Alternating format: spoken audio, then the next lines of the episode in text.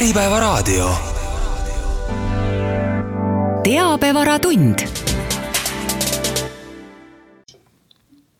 tere, et te kuulate järjekordset teabevaratundi. täna räägime hangete ja krimivaldkonna kokkupuutest mina olen teabevara vanemtoimetaja Heidi Saar ja minuga koos on stuudios äh, advokaadibüroo Rask riigihangete valdkonna juht Keidi Kõiv ja sama büroo kriminaalmenetluse valdkonna juht Andrei Sviš. tere, Keidi! Tere, Heidi! ja tere, Andrei! tervitus! nii, aga juhatamegi siis teema sisse, et milline on teie meelest õiguslikus vaates üldine hinnang riigihangete korraldamisel Eestis? jaa, et äh, nii nagu ka siin varasemates saadetes ikka alati olen äh, võtnud ja jaganud oma seisukohta, siis äh,, siis ega see ei ole siin aja jooksul muutunud, et et ma jätkuvalt leian, et Eestis selline riigihangete äh, planeerimine ja korraldamine on hea, mida näitavad erinevad äh, menetlused, erinevad vaidlused, äh, mille hulk on jätkuvalt selline väiksemapoolsem ja, ja miks see võib-olla nii on, on, on seetõttu, et võrreldes Eesti ja teiste Euroopa Liidu äh, riikide selliseid tõlgendamisi ja reeglistikku, äh, siis omavahelises võrdluses Eesti on küllalt, küllaltki selline jäik ja, ja pigem nagu formaalne, äh, mis siis ühelt poolt tegelikult hoiab ka ära suuremaid probleeme, et, et kas see siis on võib-olla nii-öelda hankijatele ja pakkujatele lihtne, tõenäoliselt mitte, Äh, aga jah, tõesti, et siis suuremate probleemide ärahoidmise vaates äh, jah, tõenäoliselt ta seda teeb, et, et kas see on õige või vale ja mis see nii-öelda kuldne kesktee on, et eks seal ole erinevaid arvamusi ja, ja, ja selles vaates ka, et äh, eks aeg kujundab mm. -hmm. Kui hangetega on üldises plaanis kõik hästi, siis mis, miks või kas üldse peaksime rääkima vastutusest riigihangetes või krimivaldkonnas selle juures? Ma arvan, et selleks on kaks põhjust Äh, ühelt poolt äh, me peame igal, igal juhul kõikidest teemadest äh, suurendama teadlikkust ja teiselt poolt siis ka kummutama neid juba tekkinud väärarusaamasid. et ähm, ja seda tegelikult mõlema korra, mõlema puhul, nii kui me räägime väärteost riigihangete puhul, kui ka siis karistusõiguslikust vastutusest siis selles mõttes, et nagu ikka praegu ka tuleb äh, jälle minna tagasi sinna aega, kus meil hakkas pandeemia, kus hakkas sõda. Ja nagu ka eelmistes saadetes olen, olen korduvalt maininud, siis äh, see oli see aeg, kus riigihangetes tekkis äh, väga palju sellist uut aktuaalsust, kus me hakkasime pöörama tähelepanu nendele teemadele, millele me varem ei olnud üldse tähelepanu pööranud, oli see erinevate erandite kasutamine, hankelepingute muutmine, võib-olla kompromisside sõlmimine, ja selles valguses tõuses, tõusetus ka selline vastutuse küsimuse aktuaalsust, et, et kui ähm, võib-olla jääb mulje, et tegemist on millegi täiesti uuega, siis see seda ei ole, äh, riigihangete seaduses on olnud äh, vastutuse sätted äh, nii selles seaduses kui ka eelmises seaduses, mis kaks tuhat neliteist vastu võeti ja karistusõiguses siis samamoodi, see tänasel kujul olev säte on juba kaks tuhat viisteist aastast, ka eelmises nii-öelda või enne seda olevas seaduses see säte oli natuke lihtsalt teistsugusel kujul. aga need normid ei ole nagu erilist tähelepanu saanud. Noh näiteks mina ise olen üle kümne aasta hankevaldkonnas tegutsenud, muuhulgas hankijana, ja kui ma mõtlen tagasi sellele ajale, kui ma näiteks hankijana tegutsesin, siis ega ma väga ei mõelnud vastutuse sätetele, et see ei olnud selline eh, kõige aktuaalsem teema sel ajal. Eh, ja siis, nii nagu öeldud, tekkis reaalvajadus, eh, tekkis vajadus siis ma ei tea, muuta lepinguid, tegeleda erandite rakendamisega ja, ja see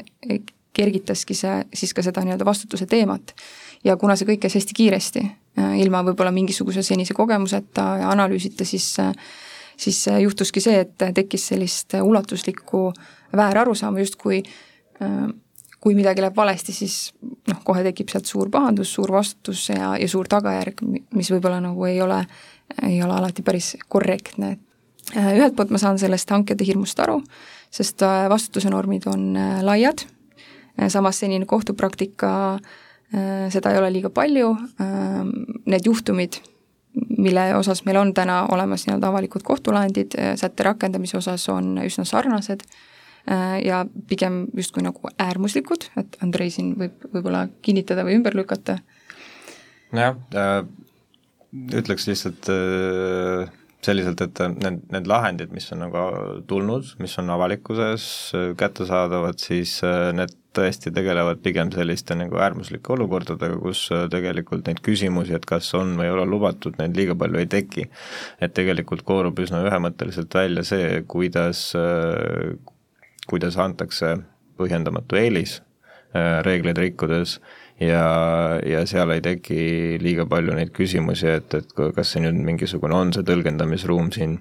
või ei ole, et teiselt poolt ma, ma siis saan aru ka sellest, Äh, äh, sellest hirmust jällegi, et, et hirm seisneb pigem ilmselt siis selles, et see säte iseenesest on tegelikult hästi niisugune avar ja lai ja ja karistusõiguslikku vastutust, mis käsitleb. ja, ja sealt noh, sinna õigusteoreetiliselt kannatab sinna väga palju asju nagu mahutada ja aga kui, kui see ütleme niimoodi, kui kohtupraktika räägib meil äh, äärmuslikemast juhtumitest, Äh, siis võib ju tekkida küsimus, et aga miks, äh, miks üldse siis see nagu võiks nagu päevakajaline olla, siis äh, meil majandus teeb igasuguseid võnkeid, eks ole, ja nii kui on raskemad ajad, siis tegelikult vaadatakse teinekord ka natukene pingsamalt üle seda, kuidas kasutatakse avalikku raha, kuidas ka kasutatakse toetusmeetmeid, mis noh, millega kasutamine eeldab samuti üsna tihti hangete läbiviimist ja siis noh, sellisel juhul lihtsalt see on üks sektor tõenäoliselt, mis äh, saab juba või, või siis hakkab tulevikus saama veelgi rohkem äh, tähelepanu. ja, ja siis kohtupraktika võib selle koha pealt tegelikult saada nagu täiendust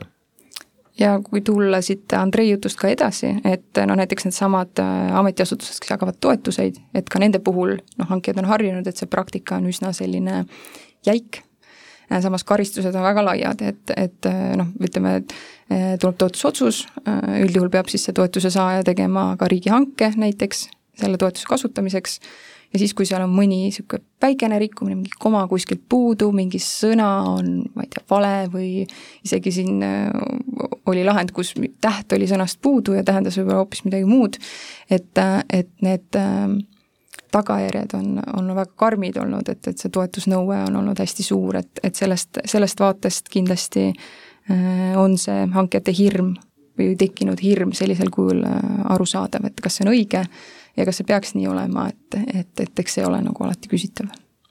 kõlab nagu habras jää üldiselt, mille peal liikuda, et tõsi, tõsi. et kuidas keegi üldse tahab sellist asja teha nagu riigihange või korraldama hakata. kui palju on viimastel aastatel viidud läbi hankemenetlusi, milles on karistusõiguslik vastutus ka päriselt realiseerunud? No sellele on äh, mõnevõrra keeruline vastata, äh, ennekõike selle tõttu, et äh, kriminaalmenetlused, kuni nad ei ole muutunud ütleme, avalikuks, siis seda infot väga kuskilt ei saa, kui kuskilt võib-olla, ma ei tea, Justiitsministeeriumi Äh, välja, väljastatavast statistikast või siis, äh, või siis selle pinnalt, kui vaadata, et mis kohtulahendeid äh, avalikult võib kätte saada. aga noh, näitena võib-olla lihtsalt, et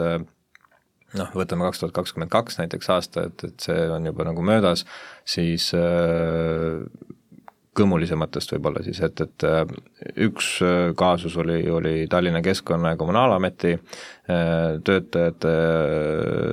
suhtes, kus siis hankija jättis teatud küsimused madala hinna kohta küsimata ja siis selle pinnalt algatati menetlus,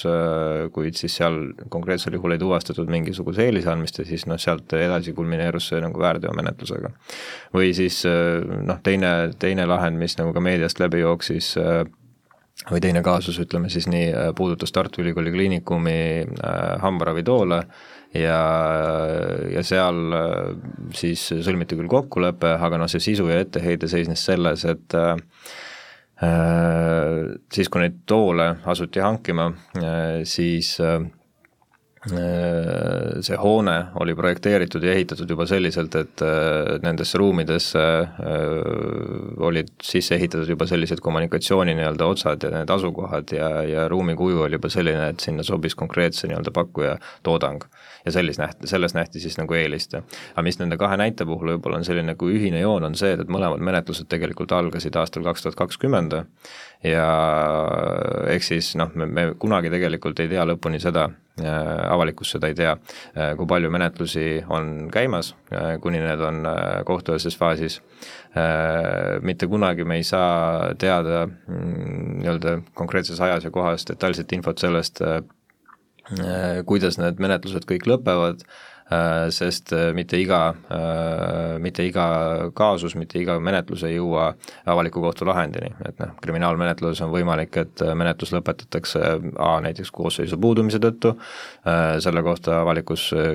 ilma meedia toeta tegelikult teada ei saa Äh, võib-olla lõpetatakse oportuniteediga, äh, otstarbekuse kaalutlusel, äh, noh, neid võimalusi on nagu teisigi, et see, mis ütleme siis läbi Riigi Teataja on võimalik kätte saada, on need, kus on tehtud mingisugune lõplik lahend, kas siis sisuline või kokkuleppemenetluses ja noh, selle pealt on siis võimalik oletada mingisugust statistikat. aga noh, keskeltläbi aastas võib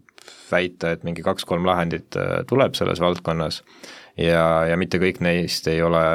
nii-öelda üld, üldmenetluse lahendid, kus tegelikult kohus oleks otsast lõpuni kõiki tõendeid nii-öelda äärest ääreni läbi hinnanud ja siis vaadanud, et kas siis tegelikult on see karistusõiguslik vastutus siin eh, või ei ole, aga noh, kokkuleppemenetluses ütleme, sellised baas reeglid vaadatakse läbi, et ja, ja siis ka kokkuleppemenetluses neid lahendeid ikkagi, ikkagi tuleb nii, aga kui nüüd äh, lähemalt selle vastutuse osa juurde tulla, siis millised on need vastutuse tekkimise hetked? Jaa, ehm, no riigihangete puhul on see üsna selline äh, lihtne. Äh,, just, just selles vaates, mis äh, nii-öelda vastutuse sätted on riigihangete seaduses. et seal on kolm sätet, mis annavad siis väga konkreetsed äh, äh, koosseisud. Äh,, on siis äh, hanke või raamlepingu äh, lubamatu või seadusvastane muutmine. Äh,, on siis äh, hanketingimustest erinevatel tingimustel hanke või raamlepingu sõlmimine või siis äh, lubamatu otselepingu tegemine. mitte tegemine, vaid sõlmimine. Äh, ja kõik need koosseisud lähtuvad siis põhimõttest äh, ja üldpõhimõttest, et kõiki pakkujaid peaks võrdselt kohtlema, sellist turutakistusi teha ei tohiks ja kui need siis nende tegevustega tehakse sellisel viisil, et seal tekib ka tagajärg, no siis, siis seal tekib see vastutuse äh, realiseerumine, kus siis äh, karistatakse rahatrahviga. Ehm, nii siis noh, füüsilise isikuna võib karistada saada seal hanke läbiviija või ka nende lepingute allkirjastaja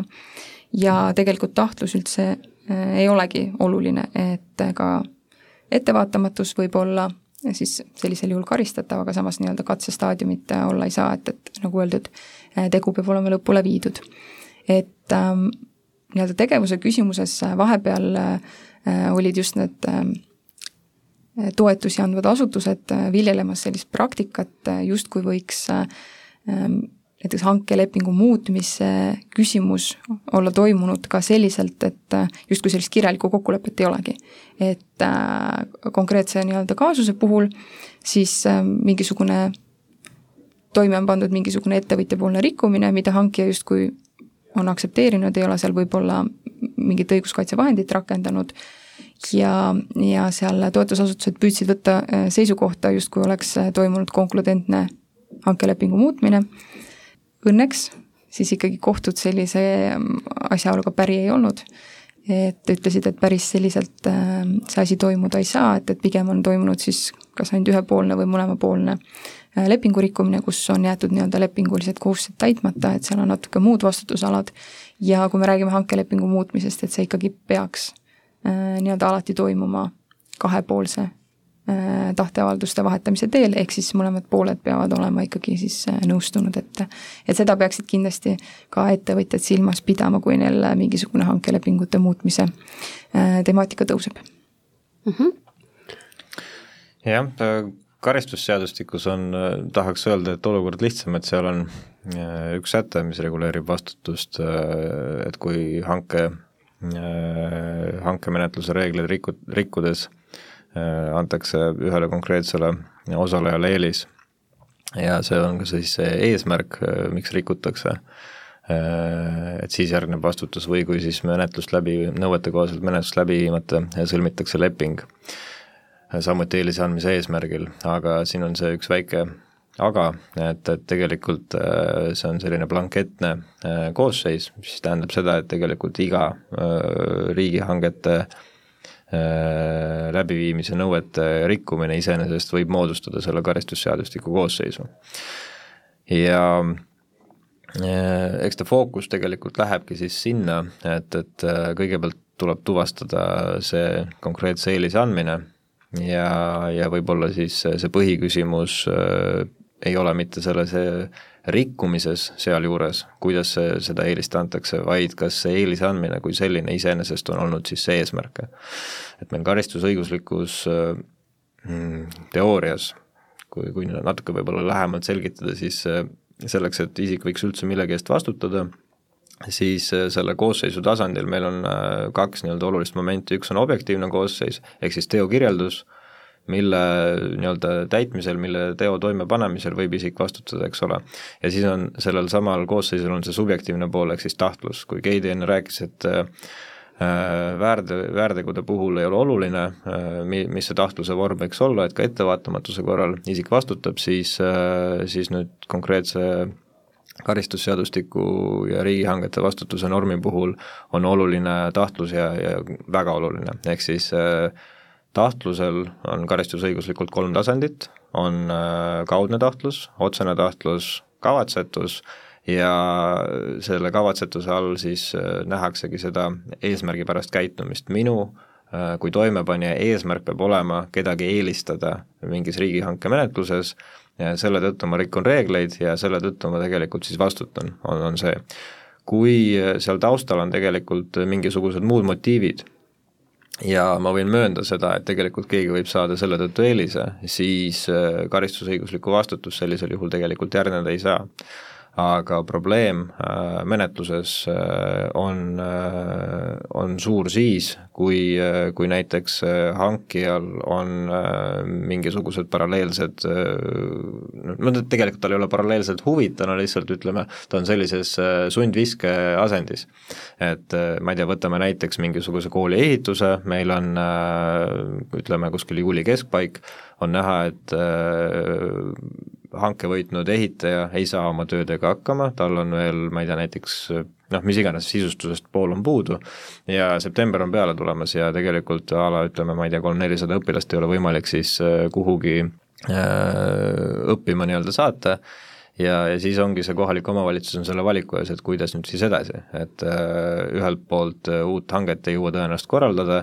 pooleteise kuuga seal äh, alates hankemenetluse läbiviimisest kuni, kuni ehitustööde äh, lõpuleviimiseni, eks ole, ja, ja teiselt poolt siis äh, vaatab vastu meil hankemenetluse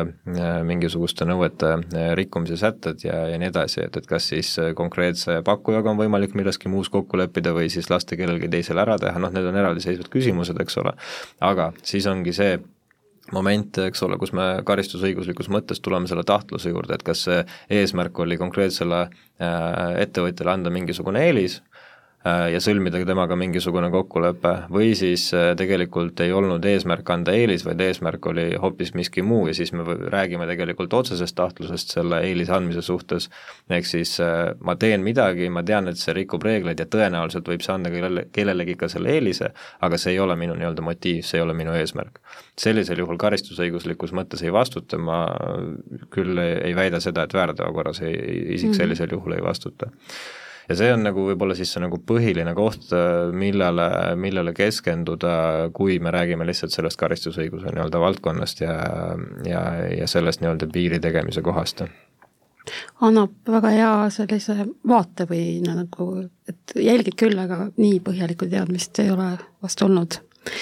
mida eelise andmine praktikas tähendab? Äh, hanketingimuste seadmine kedagi konkreetselt silmas pidades, huvide konflikt tingimuste, tingimusi koostab keegi, kes hiljem tööd teeb või midagi muud? kui rääkida huvide konfliktist või äh, keelatud kokkulepetest või altkäemaksust, siis äh, olenevalt sellest, kas me räägime eelisandmisest või mitte, et, et tegemist on eraldi koosseisudega ja need peaks ikkagi alati olema nii-öelda taunitavad aga, aga muude os-, aspektide osas ma jälle leian, et, et äh, nii nagu ju juriidikas kipub olema, siis äh, väga palju on nii-öelda tõlgendamise teema, et, et kui ma ütlen näiteks siinsamas praegu laua taga, et äh, noh, sõna eelis, siis me kõik ilmselt mõtleme millelegi mm. -hmm. aga kui ma küsiksin praegu, Heidi, siit sinu käest, et kirjelda mulle, mis on eelis, või ma küsiksin sedasama küsimust Andrei käest siis ma arvan, et meie vastused ei ühtiks lõpuks. et see nii-öelda nägemus sellest, mis konkreetsel juhul on eelis, noh, olenebki väga palju mingitest asjaoludest, millises kontekstis me võib-olla seda eelist üldse hindama peame. ja ma ise olen püüdnud nad jagada natukene just selles hankemaailmas kolme kategooriasse, millistel juhtudel me räägime võib-olla natuke erinevatest eelistest erinevates vaadetes et äh, esimene kategooria on, on see vaade, millest me rääkisime siin ka saate alguse poole, et äh, kui siis see eelist antakse selleks, et kedagi eelistada ja selle kaudu teisi pakkujaid diskrimineerida, et, et seal on hästi palju võimalusi, kas ei anta siis äh, või, või tagata kõigile võrdseid tingimusi, äh, kujundatakse hanketingimused selliselt, et äh, need just oleks kas kellelegi või millegi väga konkreetse jaoks selliselt, et just see konkreetne isik saada lepingusse, kui tehakse mingeid muid takistusi konkurentsile, ähm, noh, seda saab tõesti teha erinevate meetodi, meetodite läbi, kas siis äh, teabe piiramise, teabe andmise, äh, tähtaegade küsimuse, äh, samuti saab menetlusdokumente tõlgendada meelevaldselt pärast hiljem, võib-olla hankija jätab mingisugused kontrollid tegemata selleks, et kedagi eelistada, et seal on hästi palju nagu variatsioone noh, tõesti, et siin ka kaasustest, et äh, meil on, ma ise nimetan seda ketaslõikuri kaasus oli vist selline jah, et äh, kus siis äh, heit-, heidetigi näiteks, no see on ka üks kehtiv kohtulahend täna praktikas, et kus heideti süüdistavale ette sellist eelise andmist läbi selle, et see ettevõtja teavitas, et ta ei suuda tähtajaks tegelikult näiteks soovitud toodet tarnida ja sellele vaatamata siis hankija kutsus teda sinna hankesse ja tunnistas edukaks ka. et, et, et eks see nagu menetluslikus aspektis seal on, on mingisuguseid küsimusi, aga, aga noh, nagu otsus, otsus vastu võeti, siis äh, küll vist ka kokkuleppemenetluses, et, äh, et karistusõiguslik vastutus sellele järgnes ja, ja noh, teine selline võib-olla tuntum kaasus on ka bussikaasus, kus siis äh, äh, hangiti kasutatud busse Andrei võib-olla täpsustab, kellele neid täpselt hangiti, ma enam ei suuda meenutada. TLT oli vist. ja, ja, ja seal, kui seda lahendit lugeda, siis sealt tuli selline äh, koorus justkui ahel välja, et, et oli, oli keegi kolmas inimene, kellele oli justkui need ähm, antud juba käsk neid mingisuguseid busse käia vaatamas, siis koostati hanketingimused vastavalt sellele, nagu need olemasolevad bussid juba olid. ja, ja siis, äh, kui ma nüüd ei eksi, et siis ka hanke äh, Äh, tingimustes oli hästi lühike tähtaeg sätestatud, et need bussid pidid justkui kohe ka olemas olema, mis piiras nii-öelda teistele ettevõtjatele väga oluliselt sellist äh, konkurentsivõimekust, sest noh, tõenäoliselt võib-olla ei ole kõigil väga suurt kogust kasutatud busse kuskil mm -hmm. varamus seismas, et, et see võib-olla on siis selline näide nendest esimese, minu kategoriseeritud esimese kategooria eelistest ma võib-olla natukene räägiks juurde siin nende noh, Ketassaare see näide ja busside näide, eks ole, et äh, noh, Ketassaagide puhul, kus see nagu eelis võiks siis nagu kooruda, äh, ma saan aru, on siis see, et, et äh, hankija aktsepteeris seda, et tegelikult see pakkuja ei olnud võimeline õiget koguse, õiget kogust kettaslõikureid tarnima, kas oli nii? jah, et pakkumus oli mittevastav mm -hmm. noh sisuliselt. ja, ja, samal ajal ta tegelikult siis esitas äh, oma pakkumises siis selle kinnituse, et tegelikult äh, äh, tegelikult ta on suuteline seda tegema, noh siin ma ütleks, et õiguslikus mõttes tegelikult on väike nagu konflikt, et äh, noh, hankija peaks lähtuma sellest, eks ole, mis on dokumentides esitatud äh,, ma üldse selle ettevõtja poolt, ma näen siin probleemi valeandmete esitamises, aga noh, see selleks, et äh, aga noh, ilmselt siis kokkuleppemenetlus oli see, mille tõttu selline Äh, selline lahend tegelikult äh, üldse sellisena sai nagu vormistatud, et kas see, kas see tegelikult äh, ütleme, lepingu sõlmimine, hankelepingu sõlmimine pakkumisega, mis tegelikult ju dokumentaalselt oli, oli kõik, oli korras, aga lihtsalt hilisem täitmine ei osutunud võimalikuks ja võib-olla siis hankija teadmine sellest, et et tegelikult ei ole suuteline, et, et kuidas siis, ma ei tea, kui, kui, kuidas üldse hankija peaks sellises olukorras käituma, kui tal on teave selle kohta, et, et see pakkumus ei ole tegelikult, ei vasta tõele no eks seal olegi ju noh, nagu, nagu ma ütlesin ka, et, et ega seal menetluslikus mõttes, kui ma seda nagu lahendit lugesin, siis mina võib-olla kui hankija, üldjuhul hankijate esindaja, noh, minul tekkis puhtalt nende nii-öelda kohtulahendis kirjeldatud asjaolude pinnalt et mõtteid, et, et okei okay,, et, et kuna hankija peab üldjuhul lähtuma sellest, mis nagu pakkumuses kirjas on ja kui ta pakkumuses kinnitab, et tal on see suutlikkus, siis kas ma tohin lähtuda mingisugusest informatsioonist, mis nii-öelda varasemalt avaldati, et justkui tähtajaks ei suudeta neid asju täita. Noh, võib-olla selleks hetkeks, kui ta esitas pakkuma, ta selle aspekti likvideeris, kas ma siis pean küsima päringuid ja nii edasi, et eks seal ole noh, ma arvan, et tõenäoliselt me kõiki neid asjaolusid konkreetse kaasuse puhul ei tea ja, ja eks see siis nagu sõltubki äh, sellest, mis on, et ma usun, et selliste kaasuste puhul, kus hankijatel on mingisugune teadmine ja iva olemas, siis hankijad peaksid olema selles vaates nagu hoolsad, et, et nad peaksid vähemalt mõtlema selle peale, et selline asjaolu on ja, ja tegema kõik endast võimalikku, et need asjaolud juba välja selgitada siis küsimuste teel. et, et ega kui ettevõtja annab mulle hankijana valeandmeid ja ma ei tea, et need on valeandmed, sest ta võib-olla hiljem kinnitab, et, et ei, ei, ei, et asjaolud on muutunud, siis ega hankija ei saa mingist muust teabest lähtuda. aga kui ma liigun siit edasi teise kategooria juurde, siis äh, teine kategooria minu hinnangul on võib-olla selline äh,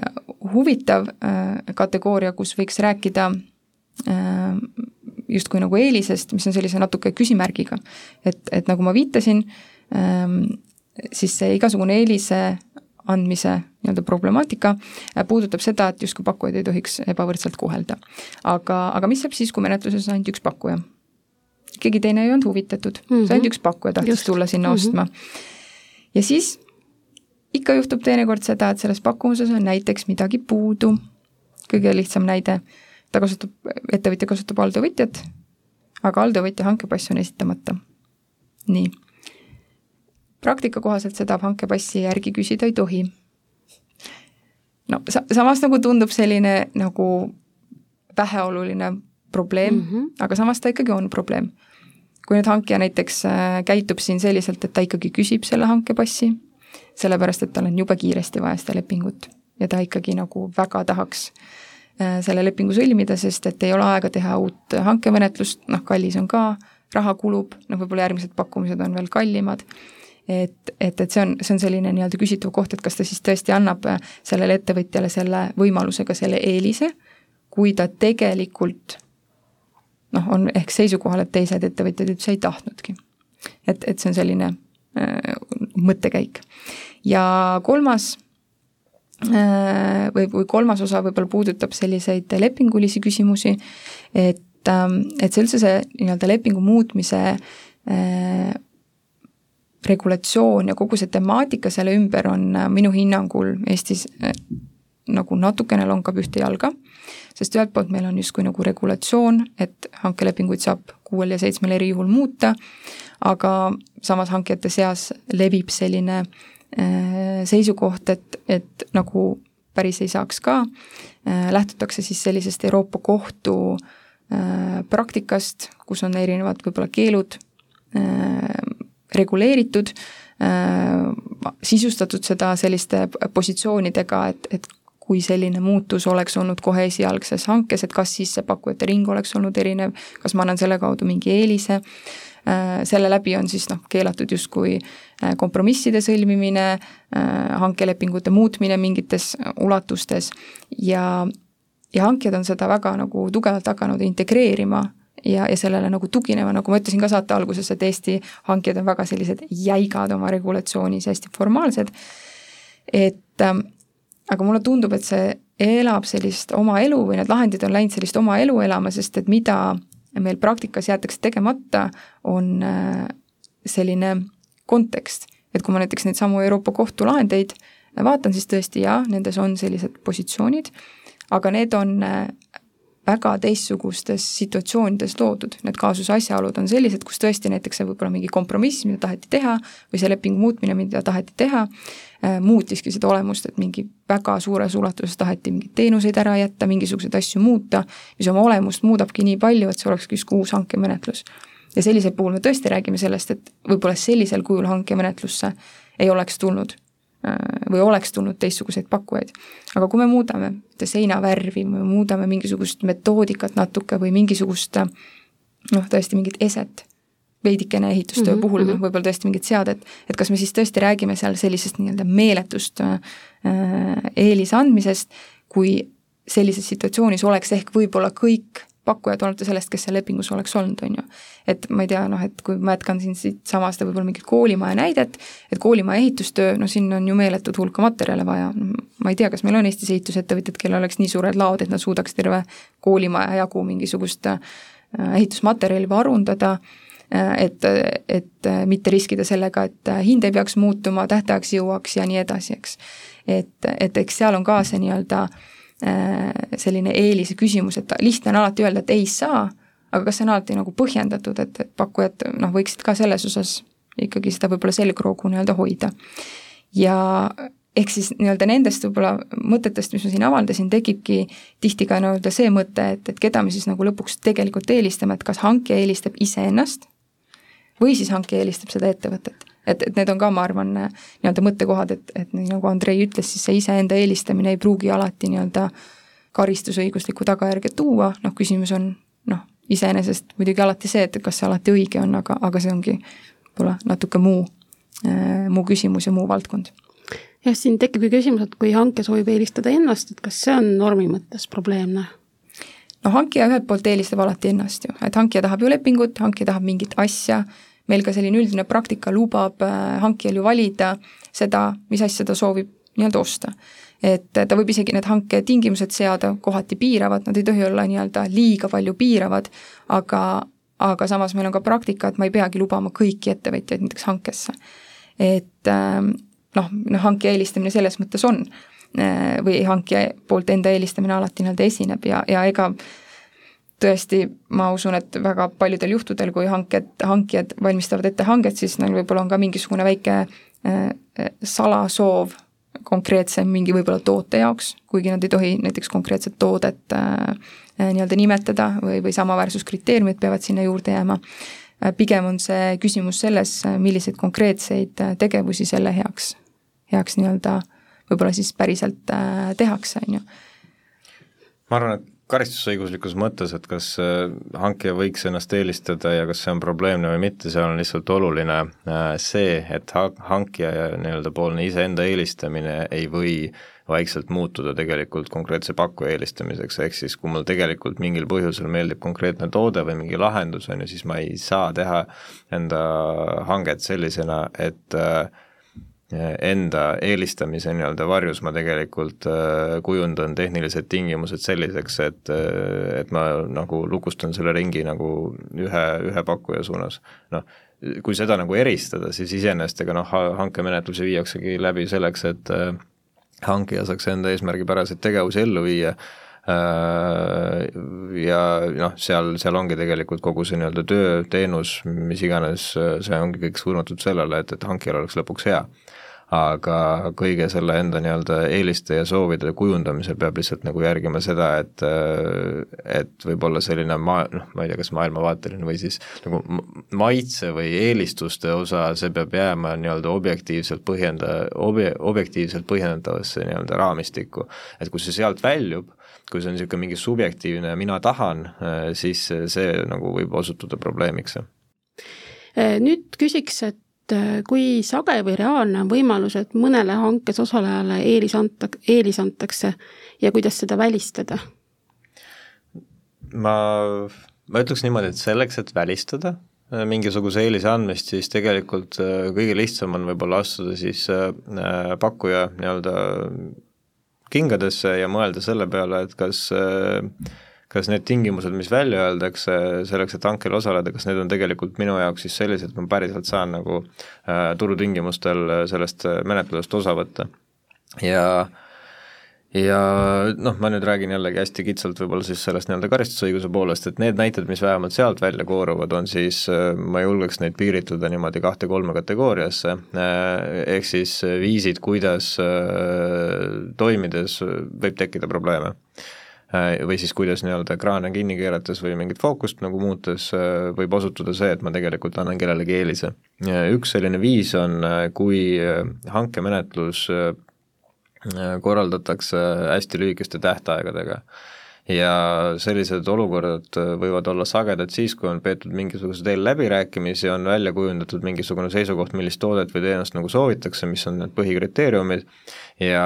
ja nagu kaotatakse ära see tunnetus, et tegelikult äh, vaatamata sellele, et kõik on nagu justkui selge läbi räägitud, tehniliselt korrektne, ja siis see tähtaeg võib olla see, mis tegelikult mingisugused pakkujad jätavad sellest menetlusest kõrvale, sest et äh, lihtsalt ei jõuta äh, pakkumust esitada. võib-olla teine Äh, teine variant, äh, kui, kuidas on võimalik endale selles osas jalga tulistada, on äh, kui just nagu saate esimeses pooles, mis ma rääkisin, on siis enda eeliste sõnastamisel ma tegelikult kaotan ära selle taju ja ma hakkan sõnastama enda subjektiivseid eeliseid mingisuguse toote või teenuse suhtes, mitte selle, selle suhtes, mida tegelikult üldisemalt oleks hankijale tarvis. ja ja see probleem võib kujuneda näiteks sellises olukorras, kus ma ei tea, tehnilise kirjelduse koostamisel äh, kasutatakse mingisugust äh, majavälist isikut, mingisugust par-, pa-, partnerit, koostööpartnerit, kes siis aitab tegelikult äh, hankijal endal sellest tehnilisest poolest aru saada, et üldse hankemenetlust läbi viia. sest noh, kohalik omavalitsus ei pruugi, neil ei pruugi olla selliseid spetsialiste, kes detailses, väga suures detailsusastmes nii-öelda Äh, sõnastavad ära mingisuguse ehituse tehnilised tingimused selleks, et kui mingit koolimaja, jälle koolimaja, eks ole, ehitada, millised seadmed seal peaksid olema, mis nõuetele see kõik peaks vastama ja kui konsulteeritakse kellegagi nendes küsimustes, sii- ja ega iseenesest sellel konsulteerijal ei ole nagu keelatud samamoodi olla ka pakkuja pärast, on ju, lihtsalt peab olema tagatud see võrdne võimalus. Äh, see on, see on siis ühelt poolt jälle, tuleme tagasi selle aja küsimuse juurde, aga siis teine pool on see, et, et äh, peab arvestama sellega, et see, kes nagu äh, nõu annab, see, kes konsulteerib, et seal noh, hankijad peavad selles olema, selles mõttes olema natukene nagu avatud mõtlemisega. Ja, ja mitte võib-olla liiga, ma ütleks, et kiinduma siis nendesse nõuannetesse ja nendesse tingimustesse, mis, millest neile räägitakse, sest see võib olla oht, et kui nüüd kuulata ainult ühte osapoolt, et kuidas see kõik peaks olema tehniliselt, siis kas see tehniline lahendus on tegelikult ainuke, mis sobiks selle eesmärgi täitmiseks ehk siis, kui keegi osutab kõrvalt nii-öelda sellist äh, nõu äh,, annab nõu, osutab, osutab abi selleks, et siis sõnastada tehnilist kirjeldust äh, hanke jaoks, siis peab olema ettevaatlik selles suhtes, et tegelikult kas on olemas alternatiivseid variante sama eesmärgi saavutamiseks äh,. Ja siis äh, noh,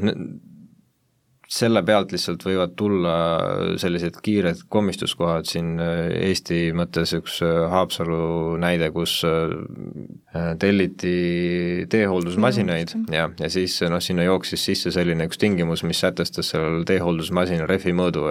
ja see noh, see oli nii-öelda üks tingimus, mis pidi, mis pidi siis nagu olema täidetud ja oih, selline rehvi mõõt äh, oli siis ainult ühel konkreetsel pakkujal, kes, äh, kes sai nagu pakkuda, aga siis tuleme küsimuse juurde, kas selline, kas selline rehvi mõõt on oluline selleks, et teed saaks hooldatud, kas on olemas alternatiive, siis see mõte võib-olla jäi seal nagu läbi tegemata. Ja, ja selle tõttu siis noh, sealt tegelikult joonistus eelise andmine üsna nagu selgelt, noh, meil ei ole tegelikult vahet, millise rehvi mõõduga teehooldusmasinad meil, ma ei tea, kas lund lükkavad või mingeid muid töid teevad no see võib olla oluline, kui sul on vaja näiteks, et see äh, sõiduk mahub kõnniteele, aga noh, seal ongi jälle küsimus see, et võib-olla siis oleks nagu asjakohane see maksimaalne laius sellele mm -hmm. teehooldusmasinale kehtestada, noh mitte öelda, et see rehv peab nüüd olema mõõdus X või Just. mõõdus Y, et mm, -hmm. et see ongi võib-olla see osa jah, no ma ei tea, võib-olla just seal, kui nüüd minna tehniliseks, eks ole, siis äh, noh, teatud tingimustes võib-olla see nii-öelda, äh, see rehvi mõõt võib olla oluline, eks ole, või, või, või rehvi rõhk, mis iganes, aga noh, siis ta peaks olema mingi vahemikuna, ta peaks olema kindlasti objektiivselt põhjendatud, mitte niisama, et lihtsalt me paneme ühe ja siis paneme nüüd, sõidame sellega edasi mm. -hmm. kuidas nõuetega mitte kooskõlas korraldatud hankeid üldse tuvastatakse, kuidas see protsess välja näeb? Aga seal on äh, ka erinevaid äh, võimalusi, et ähm, ühelt poolt äh, nagu juba eelnevalt viidatud, siis mingeid kontrolle teeb Rahandusministeerium, nemad teevad ka näiteks iga-aastast valimit, kus nad siis kontrollivad mingite hankijate, kas siis kõiki läbi viidud hankeid või ainult mõnda konkreetset hanget, noh muuhulgas ka järelevalvemenetlusi saab algatada teate esitamisega siis Rahandusministeeriumile, kes siis mingisugused kontrollid võivad läbi teha, et seal, sealt võib tulla mõni nii-öelda probleemkoht. noh, lisaks, eks ole, üldjuhul asutustel on endal mingid siseauditid, Ehm, võib-olla ka mingid riigikontrolli organid käivad, äh, toetusasutused teevad omapoolseid auditeid, et ega sealt need vead võivad välja tulla. muidugi seda nüüd ei tea, kuidas prokuratuur näiteks alg-, algatab asju kriminaalmenetluste puhul no prokuratuuril on kohustus algatada kriminaalmenetlus siis, kui esineb kuriteo ajend ja sellest saab tavaliselt teada kas mingisuguse kuriteo kaebusega. Äh, noh, selleks võib olla mm, kon-, konkureeriv ettevõte, teine pakkuja näiteks, äh, ma usun, et need tähendab jah, kindlasti needsamad äh, asutused, kes auditeerivad, siis nad edastavad seda teavet ka prokuratuurile ja selle pinnalt võidakse siis algatada, kui on, kui on näha selliseid juhuleide või? Yeah, kuidas ei, neid nimetada? mitte juhuleide, vaid neid noh, rikkumisi nende auditeerimise käigus no,, kui okay. tuvastatakse. Ja siis jah, kolmas asi, millest, millest Keedi just rääkis, on, on juhuleid, et näiteks kui menetletakse mingisugust muud asja ja, ja selle käigus äh, juhuslikult satutakse peale muuhulgas riigihangete nõuete rikkumisele kuni selle, selle, selleni välja, et, et see on siis karistusõiguslikult nii, nii-öelda karistatav. äh, noh, ma ei tea, toon lihtsa näite, kuulatakse kedagi pealt mingisuguse teise kuriteo raames, äh, samal ajal te, e-, ehk siis noh, jälitatakse äh, kriminaalmenetluslikus mõttes. Ja, ja siis selle käigus äh, kuulatakse pealt kõnet, kus siis räägitakse sellest, äh, ma ei tea, hankija ja pakkuja vahel, kuidas äh, mingisugust tehnilist kirjeldust timmida niimoodi, et oleks see võimalik, või siis räägitakse, et näiteks saada mulle teiste, ma ei tea, pakkujate siis need andmed, et ma saaksin enda pakkumist nii-öelda kohendada selleks, noh, mis iganes. et äh, ja, noh, ja kui selliseid asju tuvastatakse kriminaalmenetluse käigus, siis prokuratuuril on kohustus seda asja hakata menetlema, äh, see on meil selline põhimõte kriminaalmenetluses, kui ajend, ajend on olemas, siis tuleb menetleda, vähemalt välja selgitada, kas siis tegelikult on midagi toime pandud või mitte. Ega ma nagu mingit neljandat äh, varianti isegi ei oskaks välja mõelda, kus need menetlused algavad sealt on täitsa palju juba saadud yeah. mida arvata hiljutisest uudisest, et Tartu Ülikooli Kliinikum on teinud üheksa koma kolme miljoni euro eest hankeid ilma seadusest tulenevat äh, ri-, riigihanke menetlust korraldamata. kui suur analoogne probleem see täna Eestis on ja kuidas seda lahendada, kui on see probleem? no mina ikkagi tahan siiralt uskuda, et see väga suur probleem ei ole et ega Eestis jätkuvalt väga suur äh, osa vahenditest tuleb äh,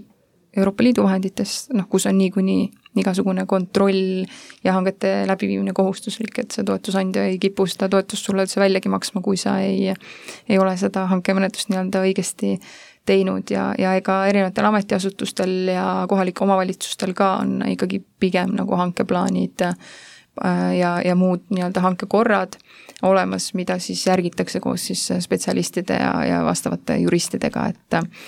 et ja noh, lisaks arenevad ka järjest kesksed hankijad ja sellised asutused, kes nii-öelda abistavad hangete läbiviimisel, et, et ma ikkagi äh, arvan, et see äh, on võib-olla rohkem midagi sellist erakordsemat. No professionaalses mõttes ma arvan ka, et see tegelikult noh, pigem on hea, kui tulevad sellised asjad välja, esiteks äh, see kõik aitab meil nagu ühiskonnal tegelikult kasvada ja teinekord neid vigu mitte teha, äh, kui, kui need, kui need esinevad ja ja ega ma arvan, see on kõigi meie huvides, et tegelikult avalikku raha kasutataks nii, nagu seadus seda ette näeb mm. -hmm Euroopa prokuratuur kontrollib Euroopast tulenevate rahade kasutust, mida menetlusdokumendid näitavad, mis on tüüpeksimused, võib-olla mõned? No tüüks, tüüpeksimuste puhul ma arvan, et kõigil riigihangetel, ega nad kipuvad kõik olema mm, ühte kanti